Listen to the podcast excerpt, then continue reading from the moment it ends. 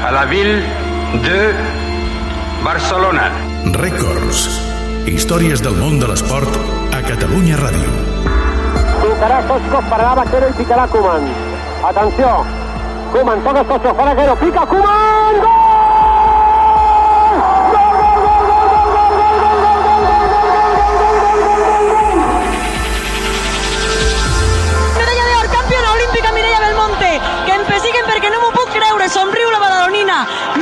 Medalla d'or campiona olímpica. Quina vegada Tamudo retalla! Gol, gol, gol, gol, gol, gol! Quin gol, quin gol, quin gol, quin gol! Murri, Murri, Murri, Murri, Murri, Murri! Ha estat Murri Tamudo! Ha estat Murri Tamudo! Records. Un programa del Departament d'Esports de Catalunya Ràdio amb el muntatge musical de Marc Peirón i Sergi Cotilles. Benvinguts a casa vostra. Apreteu-vos els cinturons, que ens ho passarem bé. En el capítol anterior, Quarts de final de la Champions a partit únic.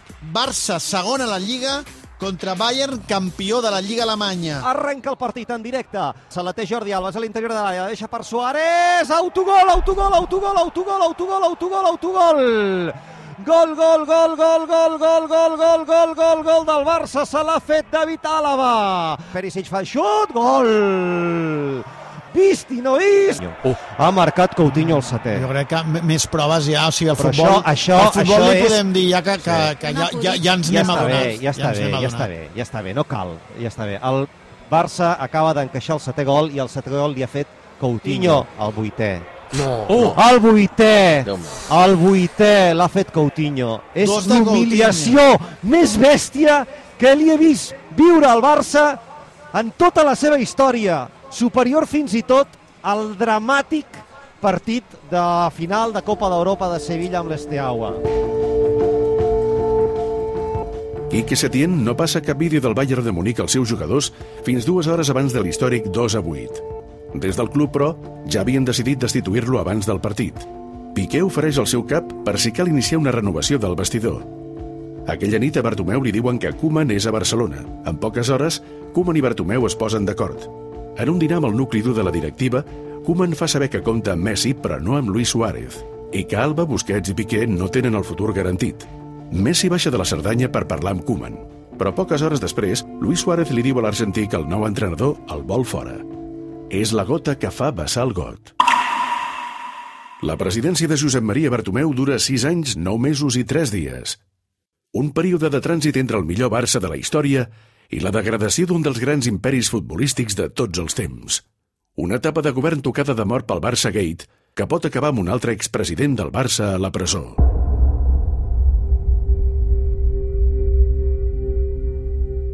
Els últims dies de Bartomeu. Capítol segon. El burofax. Primera hora de la tarda del dimarts 25 d'agost. Tranquilitat a les oficines del Futbol Club Barcelona. És la calma prèvia a la tempesta.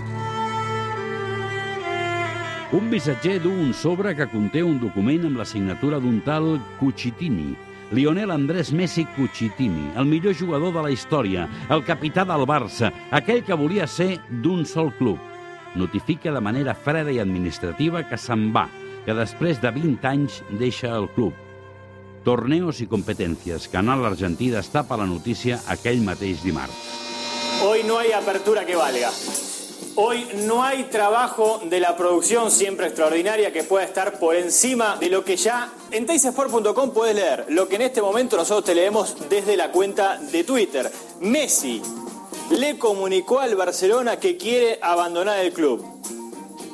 Se acogería a la cláusula de su contrato que le permite rescindir unilateralmente al final de cada temporada. El burofax agafa per sorpresa a una part de la directiva, però no al president. Alguns directius escriuen al president preguntant-li si és cert, encara que seria més acurat dir que el format, la manera, sí que descol·loca tothom, perquè Bartomeu ja tenia clar que Messi faria un pas endavant per oficialitzar la seva sortida. El president en tenia molt més que indicis. Per molt que setmanes enrere Jorge Messi i Bartomeu haguessin acordat verbalment la renovació per dues temporades. El Ramon Salmurri ens diu això.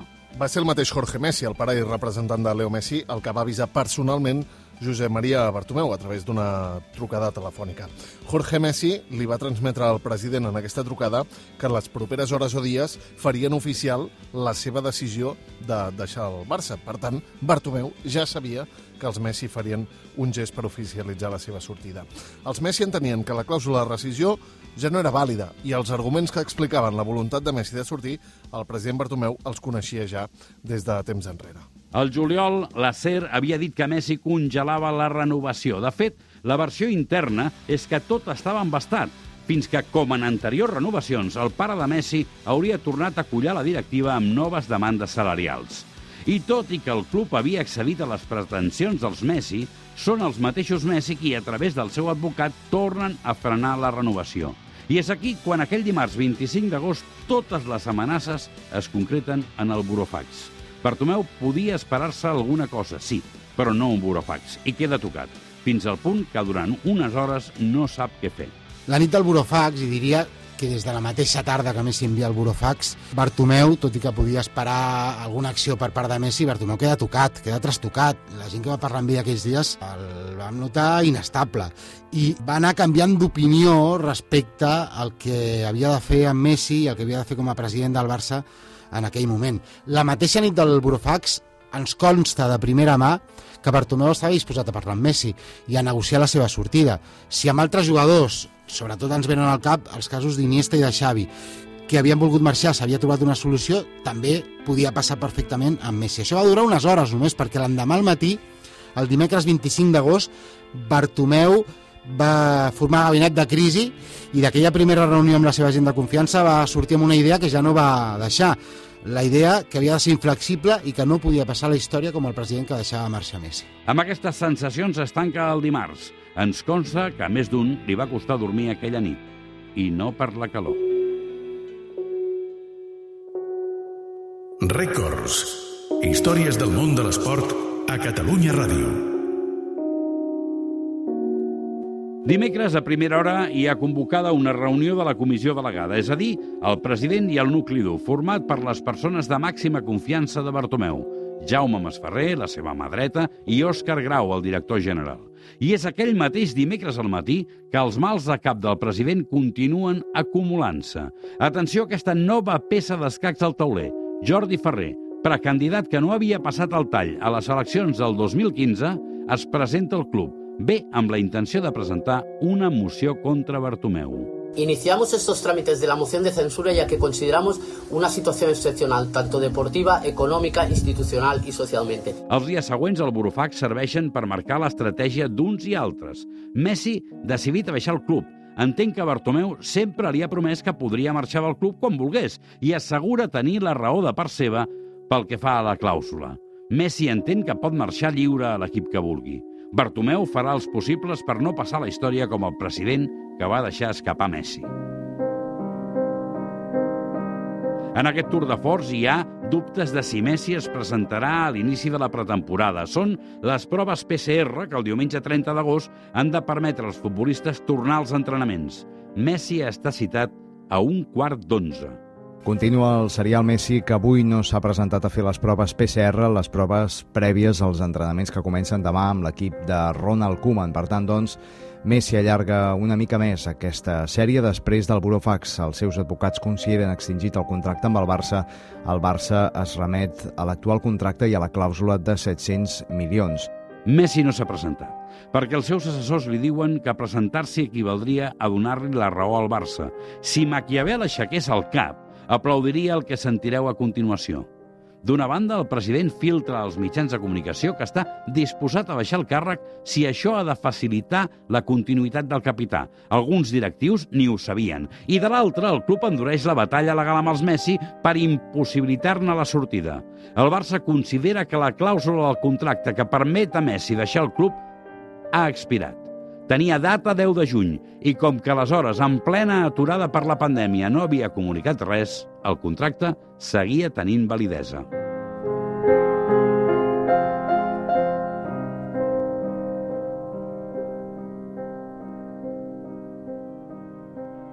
Messi, però, no ho comparteix. El seu entorn entén que el 10 de juny era, com dir, mm, final de temporada, tal com diu que li havia transmès el president. El president diu que el 10 de juny és el 10 de juny i que això no es pot moure. Messi, en canvi, interpreta que el que és inamovible és que quan acabi la temporada i la temporada acaba després del 2 a 8, llavors ja pot marxar lliure. En aquesta esgrima legal, el Barça troba la complicitat de Javier Tebas, president de la Lliga. En un comunicat fet públic aquell 30 d'agost a les dues del migdia, Tebas, és a dir, la Lliga, dona la raó al Barça. Un petit incís. No és que un madridista i votant de Vox declarat estigui defensant el Barça. El que està defensant en realitat és la Lliga i el seu actiu principal, el millor jugador, el millor producte que té per oferir a les teles amb drets. Clar que Messi triga ben poc a respondre-li. D'aquí a 3 minuts seran 3 quarts, anem als esports. I avui un nou capítol del serial Leo Messi. Els advocats de l'Argentí han emès un comunicat que signa el pare, Jorge Messi, i en què mantenen la idea inicial, que no han de pagar la clàusula de rescisió per poder marxar aquest estiu del Barça. Ramon Salmurri, bona tarda. Què tal, Òscar? Bona tarda. El comunicat l'han enviat a la Lliga de Futbol Professional, que va assegurar que l'argentí no pot anar-se'n sense pagar. Com ho hem de valorar tot plegat? Doncs que continua el pols i els Messi mantenen l'estratègia. Resposta, com dius, de fa uns instants de Jorge Messi, pare i representant de Leo Messi, a la Lliga. Tebas va comunicar fa uns dies que feien costat al Barça i que el contracte donava la raó al club blaugrana. Resposta amb duresa de Jorge Messi a la Lliga. Cito textualment, no sabem quin contracte han analitzat, però és obvi que es tracta d'un error. I cita una part textual d'aquest contracte de Messi amb el Barça. Compte, aquesta indemnització no aplicarà referint-se a la clàusula dels 700 milions d'euros, quan la resolució del contracte per decisió unilateral del jugador tingui efecte a partir de la finalització de la temporada 2019-2020. Per tant, afegeix, és obvi que la clàusula del contracte no aplica en absolut. Per tant, lluny d'apropar les posicions, de moment, aquest darrer gest dels Messi signat per Jorge Messi va en consonància amb l'estratègia marcada inicialment. Messi se sent lliure del seu contracte amb el Barça. Doncs aquest és el capítol d'avui d'aquest serial. A tot això, Messi continua sense entrenar-se a les ordres de Ronald Koeman, que continua preparant la temporada. Estan jugant partits de pretemporada que s'oferiran en directe per TV3. I com que les posicions continuen estant a les antípodes l'una de l'altra, tres dies més tard, el dimecres 2 de setembre, Jorge Messi, pare i advocat del jugador, es presenta a Barcelona per mirar de desencallar la situació un cara a cara entre Jorge Messi i Josep Maria Bartomeu. Jorge Messi ha començat el dia a les oficines que té a Barcelona per dinar en un cèntric restaurant de la ciutat per definir el futur de Leo Messi. De moment, posicions ben distants. D'una banda, el Barça que remet a la clàusula del contracte del jugador, 700 milions d'euros, no descobrirem res si ara diem que els Messi són gent de poques paraules, que a diferència del que passa amb molts altres dirigents o futbolistes,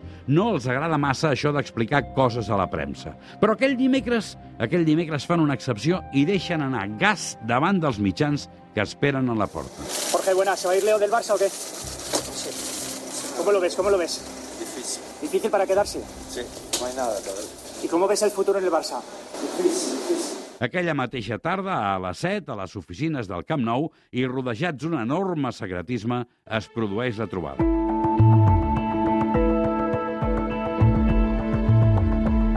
Records. Un programa del Departament d'Esports de Catalunya Ràdio amb el muntatge musical de Marc Peirón i Sergi Cotilles. En un costat de la taula, Josep Maria Bartomeu acompanyat del directiu Javier Bordes. A l'altre, Jorge Messi i Rodrigo Messi, pare i germà del futbolista. Els acompanya Jorge Pecourt, advocat i assessor de la família. I aquí hem de fer un parèntesi. Pecourt és l'advocat dels Messi. Forma part del bufet Quatre Cases, un dels més reconeguts a Barcelona, i que en qüestions legals assessora el Barça. Un mes després d'aquesta trobada, però, ni Pecur seguiria treballant a quatre cases, ni el Barça seguiria assessorat per aquest bufet. Però tornem on érem. Els Messi amb advocat, el Barça sense. Només amb la posada en escena ja es veu molt clar per on aniran els trets en aquella funció. Ramon Salmurri. Pel que ens expliquen totes dues parts, va ser una trobada relativament cordial a les oficines del Camp Nou. Jorge Messi va transmetre des d'un bon principi la seva voluntat de marxar i va explicar-ne els motius, que la clàusula de rescisió ja no s'esqueia i que fa temps que ho tenien parlat. És moment, va dir, de resoldre la sortida. I Bartomeu va respondre que no, que Messi no sortiria aquell estiu del Barça. I ho va fer amb dos arguments. El primer, que el capità no pot sortir d'aquella manera, després del 2 a 8 contra el Bayern i marxant a males amb el club de la seva vida. I segon, Bartomeu els va transmetre que no estava disposat a ser el president que perdés Leo Messi. I els va avisar que, si calia, aniria fins al final. I en aquest moment, els Messi van veure que la sortida seria molt més complicada del que es temien. Passem a l'endemà d'aquesta primera trobada. És dijous 3 de setembre. Bartomeu i Jorge Messi es tornen a reunir, però les posicions no canvien. I això és important, perquè és el Barça qui, amb la seva posició immobilista, obliga els Messi a decidir. O s'embranquen en un litigi legal contra el club, amb els riscos que això comporta si la cosa no surt bé, o renuncien a marxar aquesta temporada fins que arribem a l'entrevista. Aquella entrevista on Messi es presenta amb xancletes. La concedeix a gol.com i encara que pel seu look no ho sembli, el xicot ha de dir coses importants. Tan importants que, i no tinc por d'equivocar-me al dir-ho, canviaran el curs de la història. Y bueno, ese es el motivo por el cual eh, voy a seguir en, en el club, porque él me dijo que, que la única manera que es de salir era pagar la cláusula, que eso es imposible obviamente, y si no, ir a juicio. Y ir a juicio es una locura, yo nunca iría a juicio con, contra el club al cual, al cual amo, al cual me dio, me dio todo, el cual me ayudó desde, desde que llegué. Eh, el club de mi vida, tengo mi vida hecha en, en Barcelona, eh, crecí acá, lo viví todo, me dio todo, yo también di todo por, por este club y no, y nunca jamás me pasó por la, cabeza, por la cabeza terminar eh, haciendo ju juicio al club para poder salir. Avancem un dia. Divendres 4 de setembre. 6 i pocs minuts de la tarda. Leo Messi fa un anunci. A contracor, anuncia que no està disposat a fer un pols judicial al Barça. Josep Maria Bartomeu s'ha sortit amb la seva i l'estratègia de guerra legal amb el jugador ha donat resultat. Però com en tota guerra, tothom hi surt amb esgarrinxades. I qui diu esgarrinxades, diu ferides. Bueno, el presidente siempre dijo que, que yo a final de temporada podía decidir si me podía ir o me podía quedar y, y al final lo terminó cumpliendo con su palabra. I així és com Bartomeu reté Messi, a la força. És veritat que Bartomeu s'evita ser el president que va permetre la sortida de Messi, però el club perd un dels relats més potents de la història del futbol. Siempre dije que yo quería terminar mi carrera acá, pero siempre dije que, que quería un proyecto ganador, que quería seguir ganando el título con el, con el club y seguir a, agrandando eh, la leyenda de, de, del club a nivel de, de, título. Y la verdad que no hace tiempo que no hay, no hay proyecto, no hay nada, se van haciendo eh, malabares y van poniendo, tapando agujeros a medida que van pasando la, las cosas. Messi no és l'únic a pensar que no hi ha projecte. Si recordeu, fa uns minuts us hem explicat que un soci s'ha presentat a les oficines del club per tirar endavant una moció de censura. Us sona? El problema va creixent i es va fent creïble en la lletra petita dels grans titulars del Burofax. Això no vol dir, però, que el club no faci els impossibles per evitar aquesta moció. Amb Messi l'estratègia era amenaçar amb una boxa legal. En el cas de la moció, l'esport triat és la cursa d'obstacles. Ho escoltareu al següent capítol, el capítol 3 dels últims dies de Bartomeu.